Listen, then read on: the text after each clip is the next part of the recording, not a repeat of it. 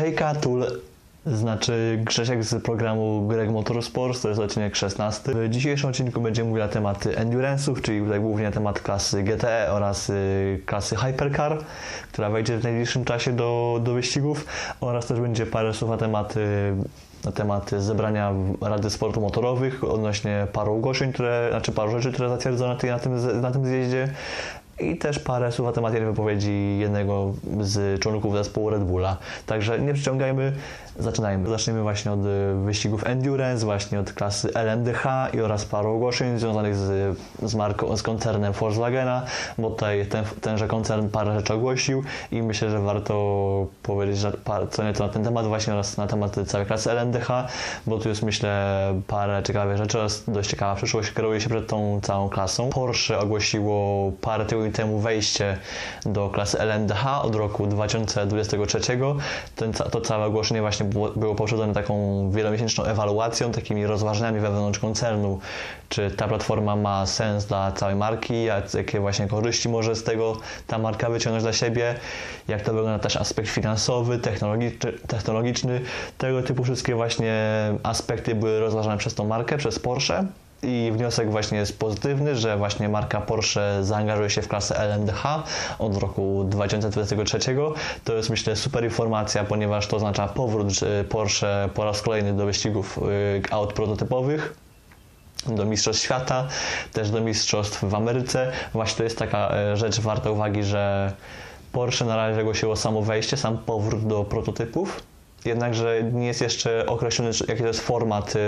y, format całego programu. Czy to będzie format czysto fabryczny, że, że tutaj będzie pełni, w pełni fabryczna ekipa, która będzie w pełni stworzona oraz zależna od, od samej marki Porsche, czy to będzie może jakiś, jakiś właśnie procent zaangażowania ze strony też jakiejś ekipy prywatnej, jak to miało być na przykład w przypadku Peugeota oraz y, Peugeot, znaczy Peugeota oraz Rebelliona? W, w klasie LMH, że Peugeot miał być y, tą stroną, która produkuje cały samochód oraz y, rozwija, odpowiada za stronę technologiczną, natomiast Rebellion miał odpowiadać za, za samo wystawianie tego samochodu w, w mistrzostwach WEC. Jednakże oczywiście to, ten pomysł upadł szybko, ponieważ Rebellion się wycofał po paru miesiącach z tego pomysłu oraz wycofał się w ogóle z motorsportu, z wyścigów, endurance i właśnie możliwe, że jest podobny właśnie podobny pomysł w, w Porsche. Możliwa jest też inna opcja, że to będzie jakieś totalnie, w, totalnie będzie jeszcze większe, y, jeszcze większy będzie udział y, strony prywatnej w tym projekcie, że możliwe, że nawet będzie to udział w samym rozwoju, w samym projekcie samego samochodu, nie tylko, nie tylko prywatna ekipa będzie to wystawiała, ale też to będzie jakoś rozwijała tą konstrukcję. Tutaj jest ta masa możliwości. Do tego też y, chcę zwrócić uwagę na to, że właśnie to będzie platforma LNDH oraz też LMH, czyli ogólnie ta platforma hypercarowska będzie dopuszczona nie tylko właśnie w Mistrzostwach Świata, ale też w Mistrzostwach WeatherTech w Ameryce, czyli to będzie możliwość wystawiania tego samego samochodu właśnie i w Le Mans oraz w innych rundach e, Mistrzostw Świata, a także w Sebring, w Daytonie, na Petit Le Mans, czyli właściwie w niemalże każdej rundzie, e, jaka wchodzi w skład Mistrzostw WeatherTech, co jest myślę czymś wspaniałym, to jest rzecz, to jest e, jedna z najlepszych rzeczy, jaka mogła się wydarzyć dla świata endurance, że jednym samochodem, czy to LMH, czy LNDH, będzie można wystartować w Mistrzostwach Świata oraz w Ameryce. To jest coś, na co właściwie czekaliśmy my oraz też zespoły, producenci, no coś, na co czekaliśmy właściwie kilka dekad, że wreszcie to się wydarzyło. Oczywiście to jest o parę lat za późno, ponieważ w momencie, gdy na przykład LMP1 zaczynał upadać 5 lat temu, gdy wycofywało się Audi, Porsche, a z kolei w Ameryce pojawiała się platforma DPI, DPI, to już wtedy była możliwość. Był taki, taki, to był taki moment, w którym można było właśnie się dogadać między ACO oraz IMSA, żeby móc dopuścić właśnie samochody tych dwóch klas y, do obydwu serii. A wyszło tak, że właśnie LMP są tylko w Mistrzostwach Świata, a DPI są tylko w Ameryce. I na ten moment to jest właśnie taki dość nieoptymalny scenariusz. Taki scenariusz będzie za parę lat nieaktualny, bo tak jak powiedziałem, obydwie klasy się w pewnym sensie połączą, będą mogły rywalizować w ramach obydwu mistrzostw, w obydwu seriach, będą, mogły, będą tak, tak zwaną globalną platformą, która będzie miała wstęp właśnie i do Mistrzostw Świata, i do Ameryki, co jest czymś e, wspaniałym, to jest coś, co powinno też e, zwiększyć e, gridy w stawce, znaczy powinno zwiększyć, zwiększyć pola startowe, zwiększyć stawkę w obydwu mistrzostwach. To jest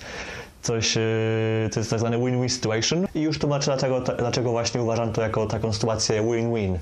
Otóż chodzi o to, że do tej pory LMP1, na przykład właśnie taki program Toyoty, Audi, Porsche, to były samochody tylko właśnie wystawiane przez y, fabrykę, przez tego producenta i nie było za bardzo możliwości, żeby ten samochód był wystawiony przez jakiegoś innego prywaciarza. Oczywiście kiedyś, kiedyś pamiętamy, Bajkoles wystawiały prywatne Audi, tak ponad 10 lat temu, ale w ostatnich latach tak za bardzo nie było, to nie miało za bardzo miejsca. Jedynie BR Engineering produkowało samochód, który był wystawiony przez Dragon Speeda, przez SMP Racing, ale to nie potrwało zbyt długo, bo tu chodziło głównie o koszty, ponieważ taki pojazd y, był dość drogi, ponieważ tu trzeba było przygotować właściwie cały pojazd od zera i tylko właściwie można było silnik był takim w miarę jakimś tańszym kosztem, ponieważ y, to do, do wyboru było tylko jednostka AERA lub też y, Gibsona, jednakże te silniki nie były zbyt konkurencyjne, więc też pomimo, że pojawiły się parę temu EOT, czyli Equivalence of, of Technology oraz e, coś na wzór Balance of Performance, czyli takie systemy, które pozwalają balansować osiągi między hybrydowymi LMP1, LMP1 a tymi niehybrydowymi, to i tak wciąż e, te pojazdy nie były zbyt konkurencyjne co nie pozwalało im y, osiągnąć wyników, przez to też pieniądze też nie były, przez to też stopa zwrotu oraz też po prostu zespoły nie były w stanie za bardzo za siebie zarobić i taka platforma no, nie była zbytnio efektywna.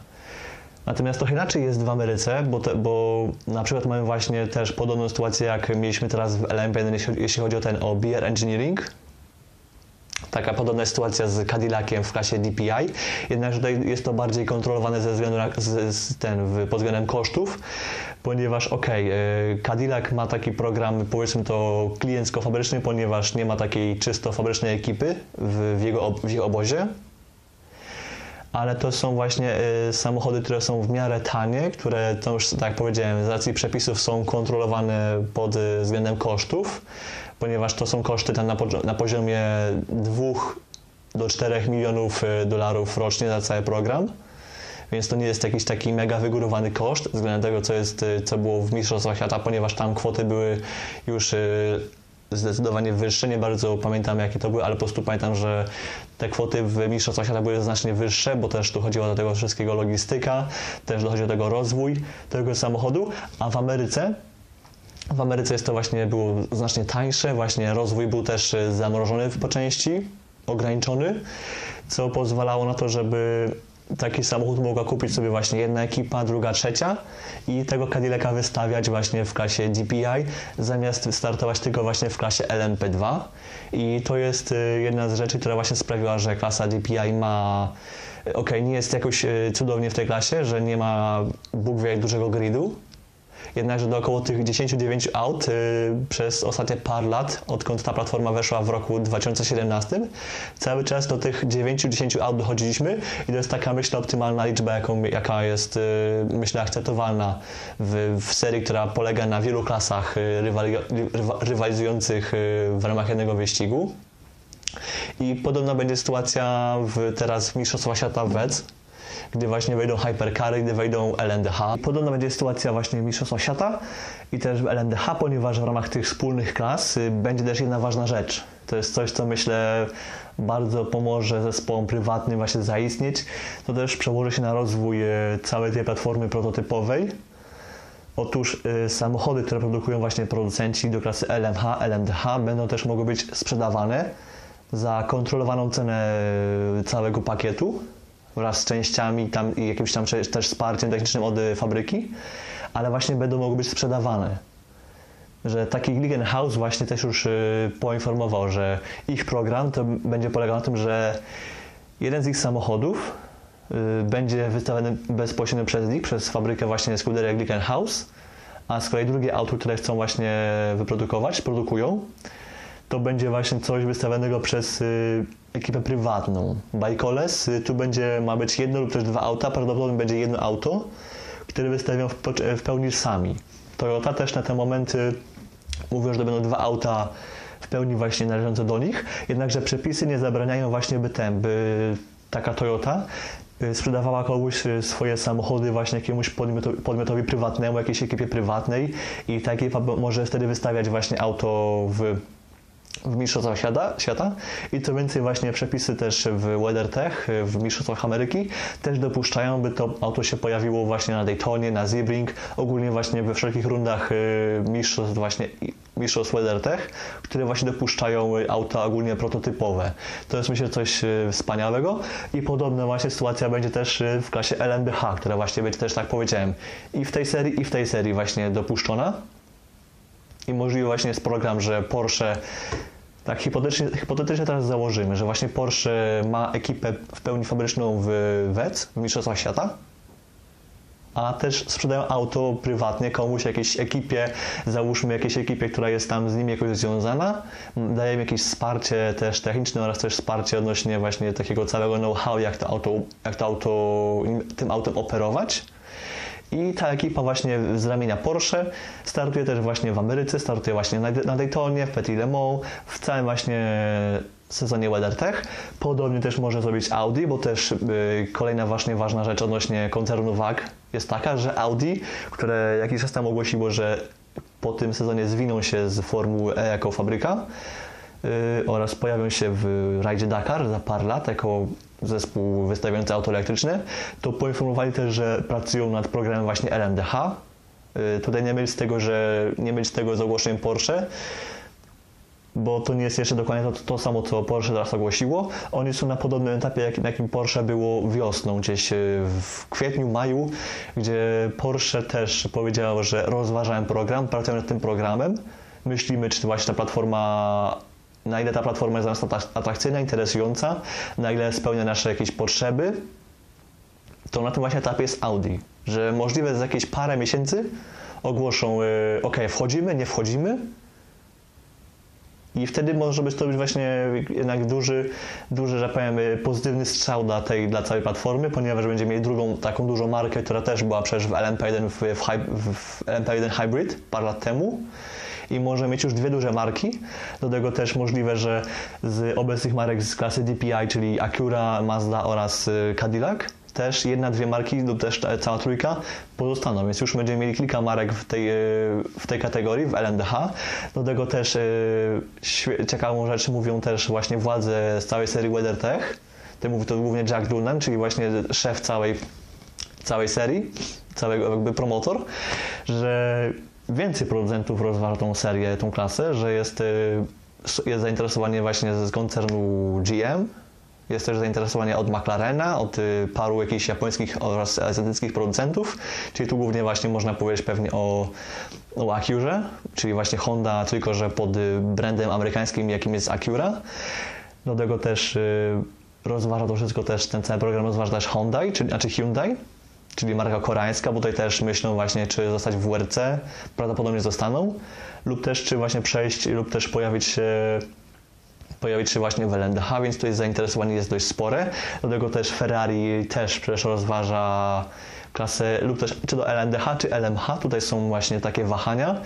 Y, jeśli chodzi o Ferrari, to na pewno tutaj wiemy, że zrezygnowali z IndyCar, że nie pojawią się jako producent silników. To jest niemalże pewne, że dla nich w tym momencie, w, tej, w tym y, jakby w open wheelach, w autach y, z otwartymi kołami jest najważniejsza jest teraz Formuła 1, ale z kolei myślą też nad właśnie LMH, by tam też się pojawić właśnie, w, czy też w LMDH, więc tu widzimy, że już platforma jeszcze nie ruszyła, a jest spore zainteresowanie. Oczywiście też trzeba mieć poprawkę na to, że nie wszyscy producenci mogą w to wejść. Bo może się okazać, że ok, że tu jest, tu mamy McLarena, Forda, y, Cadillaca,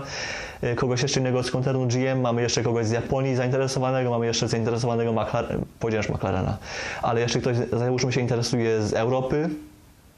no okaże się, że wejdą, nie wiem, 3-4 marki. Ale to i tak będzie spory sukces. Nawet jeśli będą te 3, 4, 5 marek z tych y, około 16-15, które rozmawiają z obydwoma seriami, to i tak to jest około 1 trzeciej skuteczności, to i tak jest 5 marek, bo 5 marek daje nam 10 aut na gridzie, do tego też y, część z tych marek będzie prowadziła programy klienckie, tak jak powiedziałem w przypadku Porsche, czyli mamy właśnie swój program fabryczny właśnie w tej serii, czyli załóżmy w Mistrzostwach Świata, Mamy też program właśnie w Ameryce, ale do tego też gdzieś tam załóżmy, możemy zrobić tak, że załóżmy mamy program i tu, i tu, ale też wystawiamy jeszcze dodatkowe auto, trzecie, czwarte auto wystawiamy w tej samej serii, mimo że tu jesteśmy jako oficjalna fabryka, co nam też daje, że mamy cztery, mamy załóżmy trzy auta od tej fabryki, od innej możemy mieć właśnie dwa auta, od jeszcze innej możemy mieć załóżmy cztery auta, więc to nam już daje dość spory grid, bo to może być ponad 10 y, aut. To jest takie dość hipotetyzowanie, to są często takie założenia, że tu może ten wystawi tyle, ten może tyle, ale tak, i może to się nie sprawdzić, ale jeśli by się sprawdziło, to może mieć naprawdę dość spory grid y, właśnie i w klasie LMH, LMDH, ogólnie w całej tej platformie. I to może wyglądać y, to może być świetne odrodzenie całej właśnie platformy prototypowej, która bądźmy szczerzy, jeśli nie liczymy LMP2 lub też LMP3, to te czołowe y, klasy prototypowe nam troszkę jednak przymierają. Tu głównie mam tu na myśli LMP1, no ponieważ LMP1, no bądźmy szczerzy, szczerzy, ostatnie 2-3 lata to jest y, śmierć naturalna, to jest po prostu, jest tylko Toyota, Rebellion i gdzieś tam się pamiętał Bajkole, gdzieś tam się pamiętały samochody BR1 Engineering, czyli właśnie Dragon Speedy, SMP Racing, tego typu pojazdy, które tam gdzieś się epizody, epizodycznie i tak nam ta platforma właściwie umarła. I teraz połączenie właśnie z LNDH oraz też właśnie wspólne balansowanie y, osiągów, różnic w osiągach między tymi dwoma platformami daje nam możliwość właśnie tego odrodzenia tej klasy, zwiększenia gridu. To jest po prostu powrót do tego, co mieliśmy w latach 80., 90. w grupie C, gdy jeszcze grupa C właśnie była taka powiedzmy silna, gdy była właśnie mocno obsadzona, że mieliśmy też podobną sytuację, że było Porsche, było Jaguar, był Nissan, było kilka innych marek i one też miały podobne właśnie, podobne podejście. Tak jest, y, tak jest, jak, tak jak jest celowane teraz, że był program fabryczny, ale też w ramach tej samej serii, w ramach tego samego wyścigu były też prywatne y, pojazdy jakiegoś producenta, co nam też automatycznie zwiększało grid. To jest y, podobna sytuacja, jak mamy teraz w MotoGP. To jest coś, myślę, co, w co właśnie celują, celują właśnie władze właśnie IAC oraz IMSA, obydwu tych promotorów, żeby właśnie mieć podobną sytuację jak w MotoGP, że jest zespół fabryczny i są gdzieś właśnie ekipy też jakieś prywatne, satelickie, które też nam właśnie zwiększają grid, co też oznacza, że więcej tego, takich samych samochodów daje nam więcej, yy, więcej zaciętej walki, co nam daje lepsze widowisko, przez co cała seria ogólnie się może rozwijać. To jest myślę coś, yy, coś co jest konieczne tej serii i mam nadzieję, że właśnie LNDH oraz cała platforma LMH ogólnie wspólnie właśnie niosą sukces. Mam nadzieję też, że potem na przykład gdy skończy się już, gdy skończy się już y, homologacja pięcioletnia na ten na LMH lub też LNDH, czyli właśnie gdzieś pod koniec y, dekady lat dwudziestych, gdzieś obydwaj ci promotorzy i Mistrzostw Świata oraz Ameryki dojdą do takiego wspólnego porozumienia, żeby nie robić dwóch osobnych platform, czyli LMH i LMDH, tylko żeby to właśnie połączyć w jedne przepisy techniczne, żeby te samochody były wszystkie żeby ta platforma była ujednolicona w pełni, a nie jakoś tak tylko połączona, tak, wie, takie, że jest łączona, ale musi być, e, muszą być balansowane osiągi samochodów, żeby były podobne osiągi i czasy okrążeń na, ten, na, na torach. To mam nadzieję, że to pójdą, pójdą krok dalej i będzie jakaś taka jedna wspólna seria, jedna wspólna platforma, która nie będzie wymagała właśnie tego balansowania między dwoma platformami, tylko że to będzie po prostu jedna seria, jedna platforma i wszyscy, że powiem, będą e, rywalizowali w pełni w pełni, w pełni na równi. To jest coś, myślę, czego sobie możemy życzyć. To jest coś, co będzie, myślę, że wielkim jakby odrodzeniem się całej tej platformy prototypowej w wyścigach Endurance to jest coś, co myślę, że może sprawić, że właśnie i WEC oraz y, WTSTC jakby wyjdą, na nowe, na nowe horyzonty i też jakby zdobędą taką większą popularność, która jednak jest teraz przyćmiewana przez Formułę E, przez Formułę 1, przez NASCAR, przez jeszcze jakieś inne serie, przez MotoGP, takie, które wspomniałem. To jest myślę sposób, który właśnie może mega pomóc właśnie ogólnie wyścigom endurance. Natomiast wyścigom endurance nie pomoże za bardzo Aston Martin, ponieważ teraz tuż przed świętami ogłosili, że kończą program fabryczny w GTE Pro. To oznacza, że właściwie po 8-9 latach obecności w klasie GTE Pro, jako właśnie jako marka, jako Aston Martin, to ten też producent się zwieje właśnie z tej klasy. To oznacza, że nam zostaje tylko Porsche oraz Ferrari w klasie GTE Pro. Na Le Mans może nam się pojawi jednorazowo Corvetta, Czyli, czyli to oznacza, że będziemy mieli dwóch producentów na stałe, co oznacza, że będą w klasie tylko cztery auta, więc to już y, daje, poddaje wątpliwości ogólnie sens istnienia tej platformy. Mm, natomiast jeśli chodzi o klasę GTE AM, AM to wciąż y, Aston Martin będzie w pewnym sensie obecny, ponieważ wciąż tam będzie samochód ekipy TF Sport, który będzie wystawiony jako zeszłoroczna konstrukcja y, z ekipy z klasy GT Pro, bo takie są zasady właśnie w GTA AM, że tam są dopuszczane tylko roczne konstrukcje z GT Pro, minimum roczne, więc y, jeszcze ten rok, możliwe dwa, będziemy mieli właśnie Astona w, w klasie GTA ale no jeśli chodzi o klasę GT Pro, ogólnie całą, całą klasę platformę GTE oraz GTLM,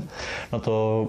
trzeba sobie szczerze powiedzieć, że ogólnie ta platforma ogólnie nam już zmierza ku, ku końcowi, że obawiam się, że 2-3 lata i tej platformy ogólnie już nie będzie, że ona zostanie zastąpiona prawdopodobnie klasą GT3. No bo no w Ameryce to wygląda źle już, że, że mamy tylko korwetę na przyszły rok potwierdzoną i jeszcze może BMW, która się waha, że BMW prawdopodobnie zostanie. Na pewno będzie w wyścigach y, tych długodystansowych w Ameryce, czyli właśnie na Daytonie, na Sebring, na Petit Le Mans, na Watkins Glen, czyli takie właśnie wyścigi endurance'owe, ale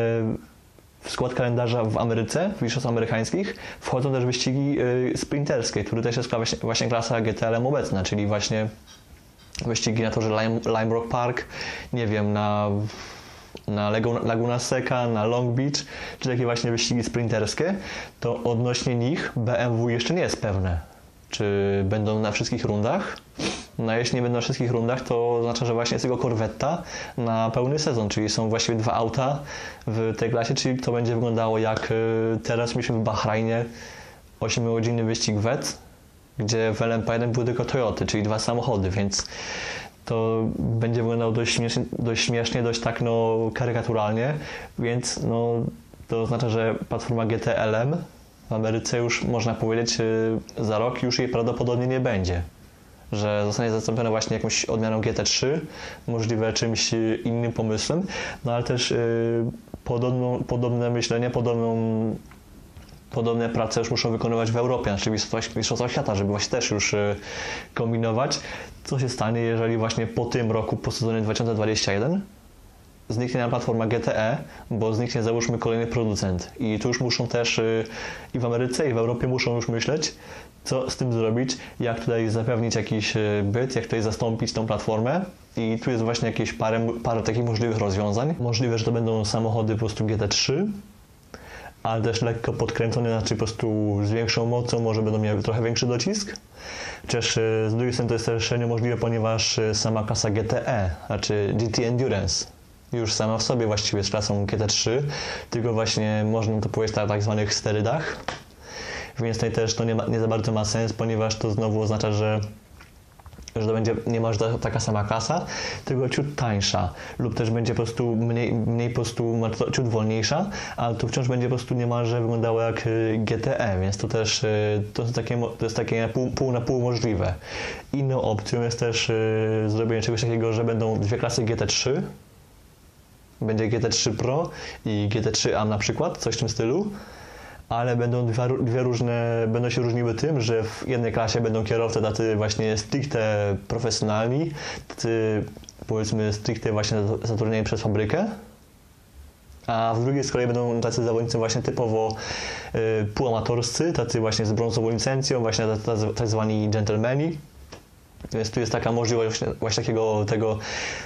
rozróżnienia tych dwóch klas na podstawie właśnie kategorii licencji. To jest przecież tak już właśnie działa sama klasa GT Pro oraz GT AM, że oprócz tego, że są samochody tegoroczne oraz zeszłoroczne, to też jest właśnie takie rozróżnienia na ten, na, na licencję, na jakby doświadczenie, na osiągnięcia kierowców, y, którzy w tych dwóch klasach startują. Podobnie przecież też mamy w, ogólnie już w wyścigach GT3, w, w, klasie, w wyścigach y, GT World Challenge, czy to właśnie w tych seriach e, sprinterskich, czy endurance'owych, czy to w Europie, czy w Azji, też są właśnie takie kategorie, że są kierowcy, jest kategoria dla kierowców e, profesjonalnych, dla półprofesjonalnych, znaczy taki, taki mieszanek, że są, e, że jeden kierowca w składzie jest pro, inny jest taki pół-am lub też pełni am, a jeszcze są totalnie jakieś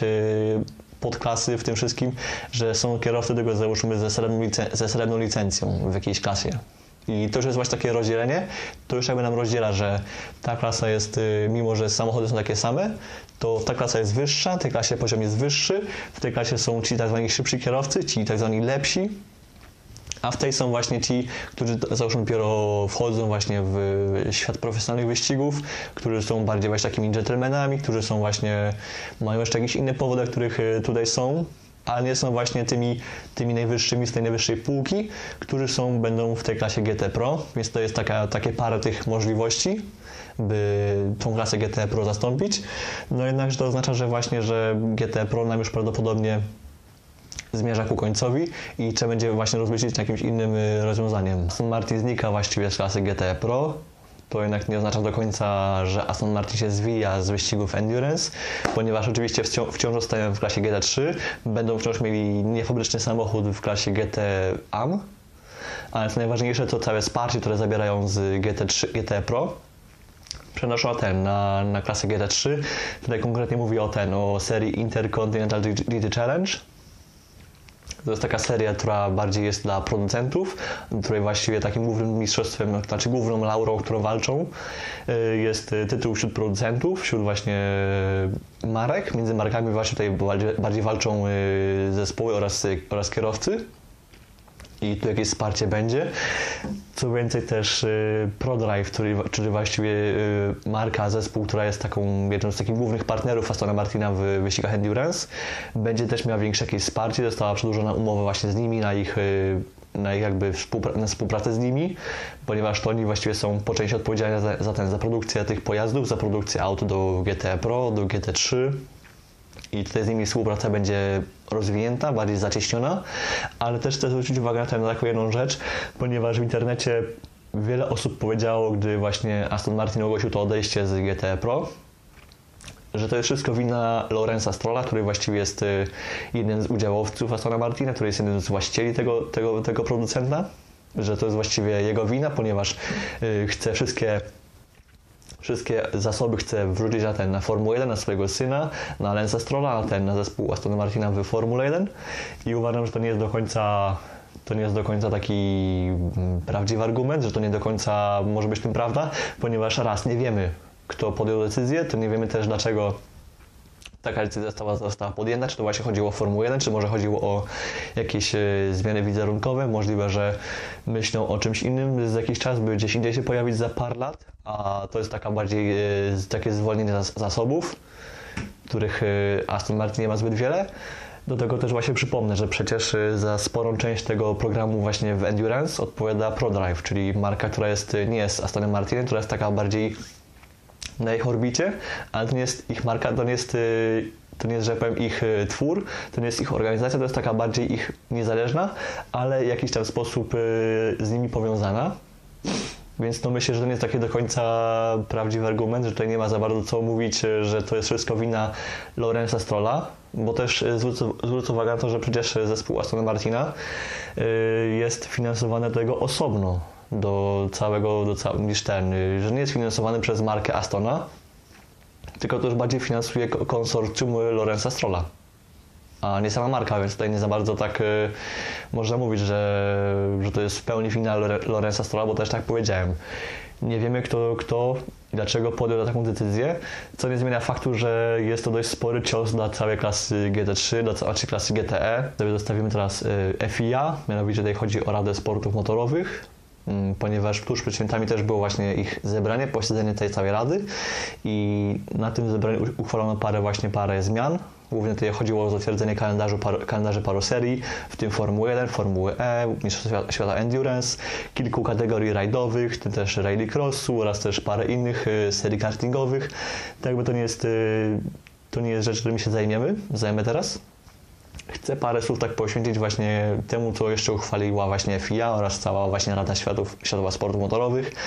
bo też y, uchwalili też kolejny jakiś krok ku powstaniu, y, ku powstaniu serii Electric GT, czyli właśnie serii wyścigów elektrycznych opartych na platformie GT. I tutaj taka ciekawa rzecz, którą chcę od razu powiedzieć, to jest to, że y, założenia y, FIA mają być takie, żeby właśnie osiągami ta platforma była właśnie zbliżona ten, do platformy GT, GT3, czyli też właśnie do tego typu samochodu, które właśnie widzimy w mistrzostwach mm, GT World Challenge lub też y, w klasie GTD jako, jako właśnie klasa GTD, GTD w mistrzostwach w Ameryce. I takie są właśnie ich y, założenia właśnie FIA, żeby to były właśnie podobne osiągi jak y, samochody właśnie GT3. Jednakże też moją uwagę zwraca to, że w ostatnich latach jest dość sporo serii oraz sporo organizacji, które właśnie chcą stworzyć swoją serię elektryczną, które mają między sobą jakoś tam konkurować. To jest dość ciekawa rzecz, że właśnie będziemy mieli w przyszłym roku inaugurację Extreme E,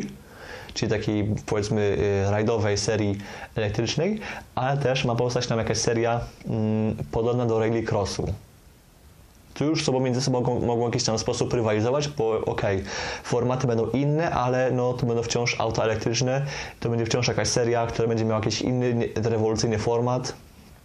już mogą między sobą w jakiś sposób rywalizować. Do tego to też, do tej nowej serii, która też będzie oparta na, rally, na rallycrossie, dołącza też y, World Rallycross, który już parę lat temu ogłaszał, znaczy planował wprowadzenie właśnie klasy elektrycznej i to ma wejść właśnie też już w przyszłym roku. I tu już też między sobą to wszystko może rywalizować. Więc tutaj tak widzę, widzę, że powoli powstaje dużo serii, które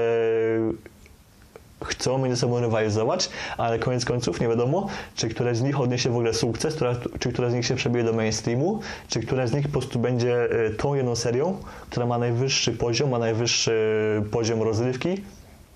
która ma najciekawszy format i tak dalej. Więc to jestem ciekaw, jak to wszystko może się, jak to wszystko się rozwinie, czy właśnie to będzie tak, że po prostu one wszystkie się razem między sobą, że powiem, y, i żadna z nich po prostu nie wygra i wszystkie serie razem stracą, czy może które z nich będzie to właśnie tą yy, na najwyższym poziomie, niezależnie od, te, od kategorii od, i od formatu. Tak samo też chcę właśnie zwrócić uwagę właśnie jeśli chodzi o ten o GT, no bo przecież mieliśmy już parę lat temu plany yy, też powstanie właśnie serii Electric GT. I to była taka inicjatywa właśnie powiązana z z promotorami Formuły E, bo to właśnie było od nich. To była taka bardziej inicjatywa, tam FIA nie miała za bardzo, nie miała za bardzo mm, do gadania, nie miała, nie miała zbyt wiele tam jakby zbyt dużego wkładu w to wszystko. I teraz FIA właśnie chce bardziej coś swojego stworzyć i zobaczymy, do jakiego stopnia to dojdzie, czy to właśnie w ogóle powstanie, no bo i też jak to sobie poradzić z konkurencją, a konkurencja też przecież będzie dość ciekawa, ponieważ DTM też yy, ogłosiło przecież y, parę miesięcy temu, właśnie w listopadzie, że też przecież wyjdą ze swoją serią elektryczną za parę lat i ona też będzie podobna do aut GT. To będą bardziej ataki między autami Class 1 a GT, no ale wciąż najważniejsze jest to, że to będą po prostu auta właśnie, że powiemy podobne do aut seryjnych, do aut drogowych, do tak zwanych szybszych, do tak zwanych super aut, raczej to nie będą hiper samochody, tylko takie, no, to będą takie bardziej super samochody, czyli podobnie właśnie jak w GT3, znaczy w Electric GT oraz właśnie w tej serii elektrycznej DTM-owskiej. Więc tu już jest rywalizacja i to też jest dość ciekawe właśnie, że co rusz jakiś nowy się podmiot pojawia, który właśnie chce stworzyć yy, serię, która po prostu będzie głównie znana z tego, że jest elektryczna. No i że będzie miał jakiś, jakiś tam dość ciekawy format. Więc tu jestem ciekaw, czy nie ma, nie ma czasem takiej sytuacji, że po prostu yy, że w tej kategorii też załóżmy się te dwie serie pożrą, na czym obie stracą. Czy można się okaże, że które z nich zatriumfuje i może które z nich będzie właśnie tą lepszą, tą z wyższym ogólnym poziomem y, rywalizacji, na lepszym, z lepszym poziomem kosztów, lepszym poziomem technologicznym. To jest właśnie dość ciekawa rzecz, którą, którą też właśnie chcę zwrócić uwagę, której też się będę właśnie w najbliższym czasie przyglądał, bo nie ukrywajmy właśnie elektromobilność teraz przeżywa dość spory rozwój, dość spory boom. Nie wiemy, czy to będzie tak samo za 5-6 lat, gdzie załóżmy już wtedy się rozwiną bardziej paliwa syntetyczne, lub też napęd wodorowy, no ale w tym momencie widzimy, że po prostu jest, jest dość spory boom i co chwilę właśnie jest jakiś podmiot, który tworzy właśnie swoją serię elektryczną. Na razie tych serii no, powstało niewiele, no bo jest tylko Formuła E, no dopiero teraz będzie inaugurowany Extreme E. I jeszcze wspomnę na sam koniec tego, tego segmentu, że przecież w przyszłym roku nam się inauguruje ETCR, czyli elektryczna seria odmiana aut TCR-owych która w ogóle już będzie czymś szalonym, czymś w ogóle chorym, czy chorym w pozytywnym sensie, bo tam będzie totalnie format y, jak z rallycrossu, można powiedzieć, na, na torach y, w pełni drogowych. I to jest coś, na, czym, y, na co myślę, że warto zwrócić uwagę. Ale no tak mówię, też czy to nie jest takie coś, że będzie ten przesyt i okej, tu będzie paru producentów tej serii, tu będzie paru w tamtej, tu jeszcze w innej, no ale koniec końców te serie wszystkie jakby zjedzą własny ogon, ponieważ no, nie będzie żadnej serii, która będzie jakoś nad tym wszystkim dominowała, która też dzięki temu by mogła jakoś wybić na podat y, całą resztę. Ostatni temat to jest już wypowiedź z poniedziałku autorstwa Helmuta Marko odnośnie silników na rok 2025-2026. Tu jeszcze nie wiemy, jakby to jest, który rok jest dokładny, jeśli chodzi o wprowadzenie tej nowej generacji, ale clue jest wypowiedzi takie, że Helmut Marko zwrócił uwagę na koszty obecnych silników i że głównym, jednym z tych głównych y, jedną z głównych przyczyn, przez które właśnie te silniki są, tak drogie, są tak drogie oraz że po prostu koszty są tak duże i tak zaporowe, że nikt nie, nikomu się nie opłaca wchodzić teraz do Formuły 1 jako dostawca silników, jest MGUH. I Helmut Marko powiedział, że gdyby właśnie pozbyć się MGUH oraz też ogólnie po prostu jakoś y, obciąć koszty, jeśli chodzi o, ten, o produkcję silników oraz ich rozwój, to Red Bull, y, jako że oni teraz chcą przejąć tą całą infrastrukturę, od Hondy, która, która chodzi- odchodzi z Formuły 1 po przyszłym roku, to Red Bull, który właśnie tą infrastrukturę, infrastrukturę może przejąć i potem będzie jakby montował te silniki właśnie dla swoich zespołów, to mógłby być zainteresowany, mógłby rozważyć to, żeby właśnie w roku 2025 wejść y, w nową erę silnikową właśnie ze swoim, ze swoim silnikiem, ze swoją jednostką napędową oraz ze swoim po prostu pełnie ze swoim projektem. I to jest myślę coś, y, czemu myślę, że Formuła 1 powinna jednak kibicować, ponieważ to oznacza, że po prostu będzie jakiś niezależny dostawca. To jest coś, co jest bardzo istotne dla całej F1, ponieważ właśnie gdy weszły, gdy weszły silniki V6 Turbo z hybrydą, to właśnie jednak yy, Nieraz Renault, Ferrari też nieraz y, groziło jakimś swoim odejściem, Honda teraz przeszło, ogłosiła odejście. Jednak y, taki niezależny dostawca, w razie gdyby właśnie któryś z innych producentów y, postanowił odejść, to byłoby coś, co właśnie by jednak uratowało tą właśnie całą serię, całą, właśnie platformę Formuły 1, bo to by oznaczało, że po prostu będzie jakiś niezależny dostawca, który przy jakimś wsparciu od promotora, od zespołów byłby w stanie zaopatrywać nie tylko zespół Red Bulla, bo pierwotny plan jest taki właśnie, żeby to był Red Bull i pewnie Alfa Tauri, by głównymi beneficjentami tego pro programu, ale też gdyby załóżmy właśnie stało się takie coś, że zniknie nam Ferrari, zniknie nam Mercedes, zniknie nam też Renault, może Renault, to zawsze jest jakaś taka furtka, że będzie, hej, że jest właśnie Red Bull, że mają swój silnik, że mają niezależnego producenta, który właśnie po prostu, że są sami sobie producentem i mogą właśnie w jakiejś awaryjnej sytuacji zapatrywać y, inne zespoły przy oczywiście jakimś wsparciu finansowym. To był odcinek 16 programu Greg Motorsports. Ja Wam bardzo dziękuję za uwagę, za to, że byliście ze mną. Zachęcam do, ten, do oceny filmu, do subskrypcji, do, teraz do komentarzy pod filmem lub też y, na innych social, social mediach. My widzimy się niebawem. Prawdopodobnie myślę, by tutaj zrobić jakieś takie podsumowanie całego roku odnośnie jakichś wiadomości, różnych zdarzeń, co się działo właśnie w motorsporcie oraz po prostu w sprawach y, wokół niego. I możliwe jest takie coś przygotuję lub też nie. To jeszcze się okaże, jak tutaj, że powiem i podpowie, jaką to będę miał wenę. Na ten moment Wam dziękuję. Życzę Wam też y, wszystkiego dobrego w nowym roku. Mam nadzieję, że ten rok będzie bardziej pozytywny niż ten rok, bo okej, w pewnym sensie ten rok był dość trudny dla wszystkich z nas, też dla motorsportu, którym tutaj też y, wielu z nas żyje. Nie był możliwie najgorszy, jaki, był, jaki by mógł być, ale też najlepszy nie był i mam nadzieję, że właśnie, że przysz- przyszły rok będzie jak bardziej pozytywny niż to, co mieliśmy w tym roku i mam nadzieję, że tutaj wszyscy jeszcze raz się zbierzemy w najbliższym czasie, a ja na ten moment już Wam dziękuję i życzę Wam miłego Sylwestra.